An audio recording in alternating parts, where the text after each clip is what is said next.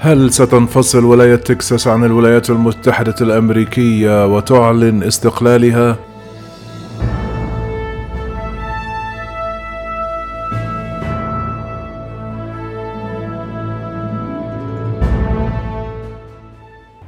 في أواخر يونيو حزيران الماضي أعلن الحزب الجمهوري لولاية تكساس الأمريكية عن سياساته للمرحلة المقبلة والتي كان بعضها مثيرا للجدل من قبيل إعلان أن الرئيس جو بايدن لم ينتخب بطريقة شرعية والمطالب بإجراء استفتاء حول انفصال تكساس عن الولايات المتحدة الأمريكية. لم تكن هذه هي المرة الأولى التي يطالب فيها البعض بانفصال ولاية تكساس التي تعرف بالولاية ذات النجمة الوحيدة، فما الخلفية التاريخية لتلك الدعوات ومدى جديتها؟ وهل يمكن للولاية بالفعل مغادرة اتحاد الولايات المتحدة الأمريكية؟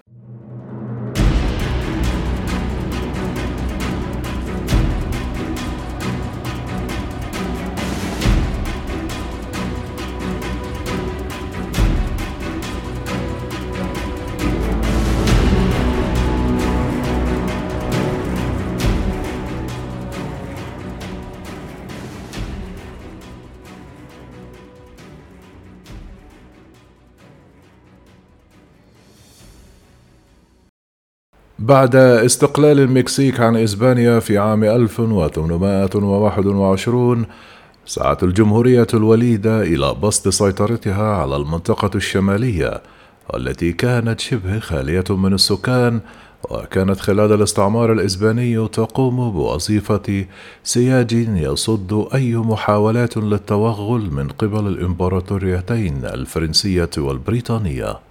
أصبحت هذه المنطقة الشمالية تعرف بولاية كوايلات وتكساس وفي إطار نظام فيدرالي أسس له الدستور المكسيكي العام 1824 كان معظم من يقطنون الولاية من السكان الأمريكيين الأصليين من قبائل الأباتشي والكومانشي. ولأن كثيرا من المكسيكيين كانوا يرفضون الانتقال للعيش في الولاية كانت الحكومة المكسيكية تشجع الأمريكيين وغيرهم من الأجانب على الاستيطان هناك وقررت إعفائهم من بعض الضرائب لمدة سبع سنوات. لكن سرعان ما شعرت الحكومة المكسيكية بالقلق إزاء التدفق المستمر للمهاجرين الأنجلو والأمريكيين. فقررت في عام 1830 حظر المزيد من الاستيطان في كويلا وتكساس وإعادة فرض الضرائب المعلقة. وشهدت الولاية الكثير من الإضطرابات والكثير من النزاعات مع الحكومة الفيدرالية المكسيكية. وفي عام 1836 أعلنت جمهورية تكساس انفصالها عن المكسيك ولم يستمر استقلال تكساس سوى تسع سنوات إذ عانت الجمهورية من أوضاع اقتصادية متدهورة إبان حكم رئيسها الثاني ميرابولا مارا وربما كان سببا رئيسيا لانضمامها إلى الولايات المتحدة في عام 1845 بين عامي 1860 و 1861 كانت تكساس من بين 11 ولاية أمريكية تنفصل عن الاتحاد في أعقاب انتخاب إبراهيم لينكولن رئيسا للبلاد وتزايد المشاعر المناهضة للعبودية في الولايات الشمالية ما عجل باندلاع الحرب الأمريكية الأهلية في إبريل نيسان من عام 1861 بعد انتهاء الحرب في عام 1865 وخسارة كونفدرالية للولايات الجنوبية من بينها تكساس.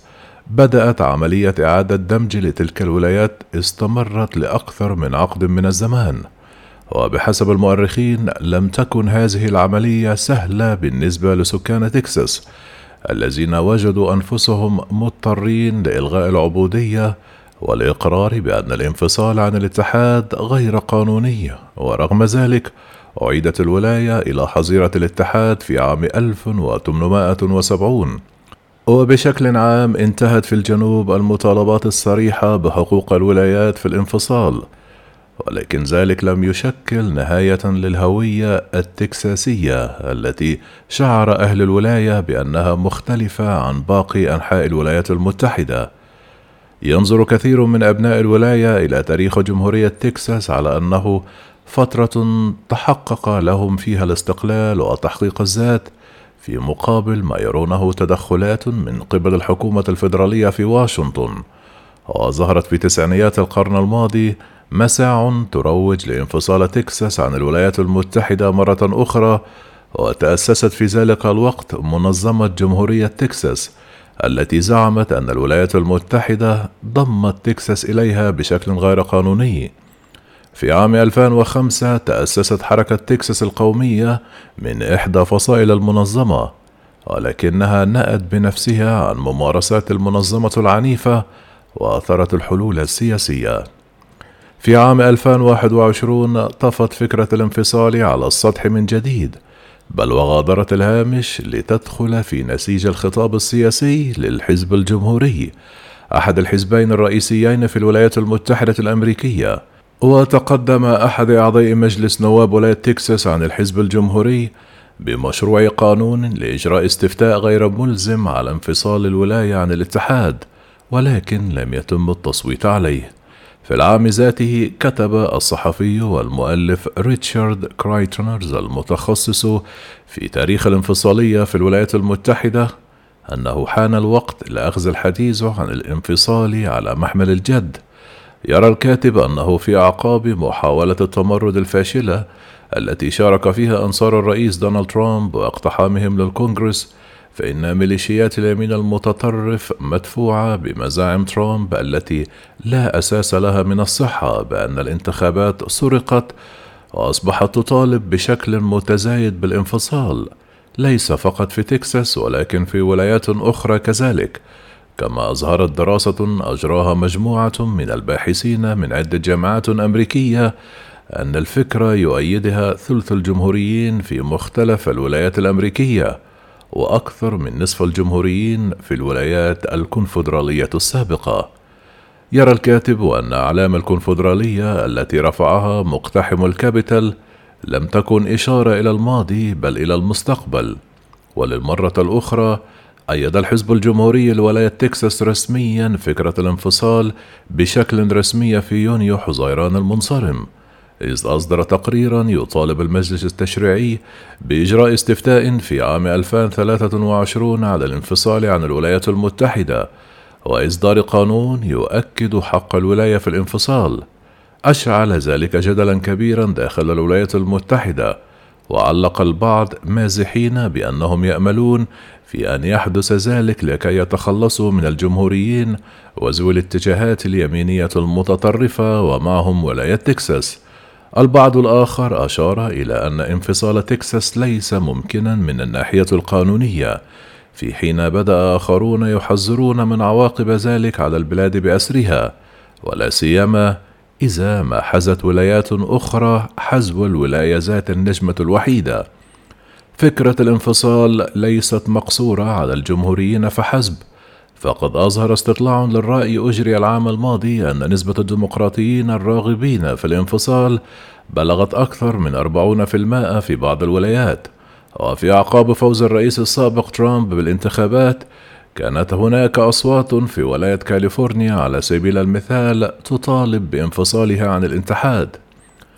يعزو كثير من المحللين أسباب تلك الدعوات إلى ما يعتبرونه حالة غير مسبوقة من الاستقطاب والانقسامات السياسية المتعمقة في الولايات المتحدة الأمريكية. وتشير العديد من الدراسات إلى تزايد الخلافات بين الديمقراطيين والجمهوريين حول العديد من القضايا من بينها التغير المناخي إنفاذ القانون وتطبيق عقوبة الإعدام والحق في حمل السلاح. سياسات الهجرة والسياسات الاقتصادية والسياسة الخارجية للبلاد. قبل شهر من الانتخابات الرئاسية الأخيرة التي أجريت في نوفمبر تشرين الثاني من عام 2020 أظهر استطلاع للرأي أن نحو ثمانية من بين كل عشرة ناخبين مسجلين من كل من الحزبين يرون أن الخلافات من الجانب الآخر هي خلافات حول القيم الأمريكية الأساسية وليس فقط حول السياسات. وفي كثير من الأحيان أصبحت الانتماءات العرقية والعقائد الدينية تتقاطع مع الهوية الحزبية. لكن الولايات المتحدة الأمريكية ليست الدولة الوحيدة التي عانت مؤخرا من الانقسامات السياسية المتعمقة بل كانت واحدة من بين بلدان عديدة شهدت تغيرات جذرية على الساحة السياسية والحزبية.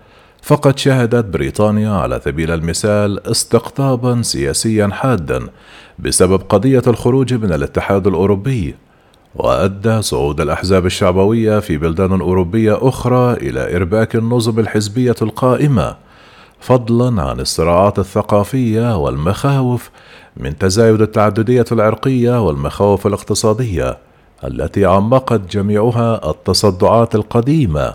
وأصبحت الأفكار التي كانت ترتبط متطرفة تجد طريقها بسهولة إلى الخطاب السياسي للأحزاب الكبيرة. ترى الدكتورة دونا جاكسون وهي من كبار المحاضرين في التاريخ الحديث بجامعة تشستر البريطانية ومتخصصة في التاريخ الدستوري الأمريكي أن مواطني تكساس الذين يطالبون بالانفصال يزعمون أنهم حرموا من حقهم الانتخابي عام 2020 ومن ثم فإنهم لا يحصلون على كامل امتيازات المواطنة الأمريكية ولذا يرغبون في ترك الاتحاد وقد ثبت مرارا عدم صحة هذا الإدعاء ومع هذا يتواصل الترويج لتلك الأكاذيب والهدف هو الإبقاء على الزخم السياسي للجناح اليميني المتطرف داخل حزب المحافظين وتحقيق مكاسب خلال انتخابات التجديد النصفي لعام 2022 إذا ماذا يقول الدستور عن الانفصال؟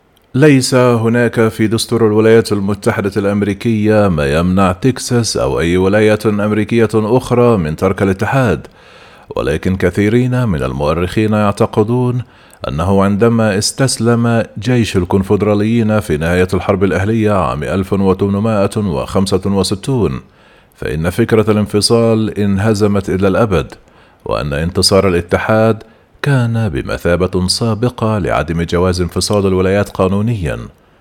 في أعقاب انتهاء الحرب الأهلية وفي القضية المعروفة بتكساس ضد وايت أزالت المحكمة العليا الأمريكية أي غموض محيط بالمسألة عندما قضت بأن الاتحاد بين تكساس والولايات الأخرى هو اتحاد كامل ودائم ولا يمكن حله.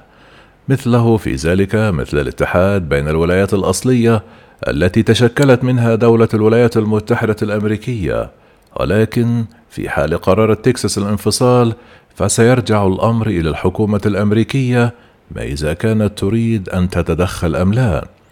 عندما سئل قاضي المحكمة العليا الراحل أنتون سكاليا في عام 2006 عما إذا كان هناك أي سند قانوني للانفصال، كتب قائلا: الإجابة واضحة، إذا كانت هناك قضية دستورية واحدة حسمتها الحرب الأهلية فهي أنه لا يحق للولايات الانفصال. وتقول الدكتورة جاكسون من الناحية الفنية إذا انفصلت أي من الولايات فإنها لن تكون ملتزمة بالدستور والمحكمة العليا لن يعود لديها صلاحيات هناك لذا بإمكان تكساس أن تنفصل. بيد أنه سيتعين عليها الحصول على اعتراف الأمم المتحدة بها كدولة مستقلة وستضطر إلى إنشاء نظم مالية واقتصادية ودفاعية وتوقيع اتفاقات تجارية خاصة بها. الأمر أكثر تعقيدا بكثير من مجرد الخروج من الولايات المتحدة بل يتضمن أيضا تحديد آليات للمستقبل. ربما كان أكثر مما يجعل هذه الفكرة غير معقولة هو أهمية ولاية تكساس للجمهوريين على المستوى الوطني، لا سيما خلال الانتخابات الرئاسية في الولاية من معاقل الحزب وبدون أصوات أعضائها في المجمع الانتخابي لم يكن ليفوز أي من الرئيسين الجمهوريين جورج دبليو بوش ودونالد ترامب. ومن ثم من المستبعد للغاية أن يؤيد الزعماء الجمهوريين انفصال ولاية تكساس ولا سيما ترامب الذي ستكون محاولته استعادة الرئاسة في انتخابات عام 2024 شبه محكوم عليها بالفشل بدون دعم الولاية. كثيرون يرون أن احتمالات حدوث الانفصال ضئيلة للغاية، ومنهم الدكتورة جاكسون التي لا تعتقد أن هناك رغبة جادة لدى أي من الولايات الأمريكية في الانفصال. في حين أن إحجام بعض الولايات واقتصاداتها قد تجعل الأمر ممكنا إذا أن تفاصيل تأسيس دولة مستقلة تعني أن الأمر غير واقعي من الناحية العملية فضلا عن ذلك النظام الفيدرالي يعطي للولايات استقلالية في نواح عدة ومن ثم الانفصال لن يعود عليها بفوائد تذكر. وفيما يتعلق بمسألة الهوية التكساسية تقول جاكسون أنها لا تعتقد أن سكان الولاية يعتبرون أنفسهم تكساسيين فقط وليس أمريكيين وبينما توافق على أن الأفكار المتطرفة تبدو في تصاعد فإنها ترى نثمة حدودا لما يمكنها أن تحققه.